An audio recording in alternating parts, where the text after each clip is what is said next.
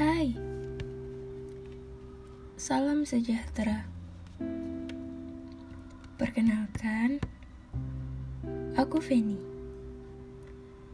Kali ini aku akan bawain podcast yang sebenarnya isinya nggak terlalu penting.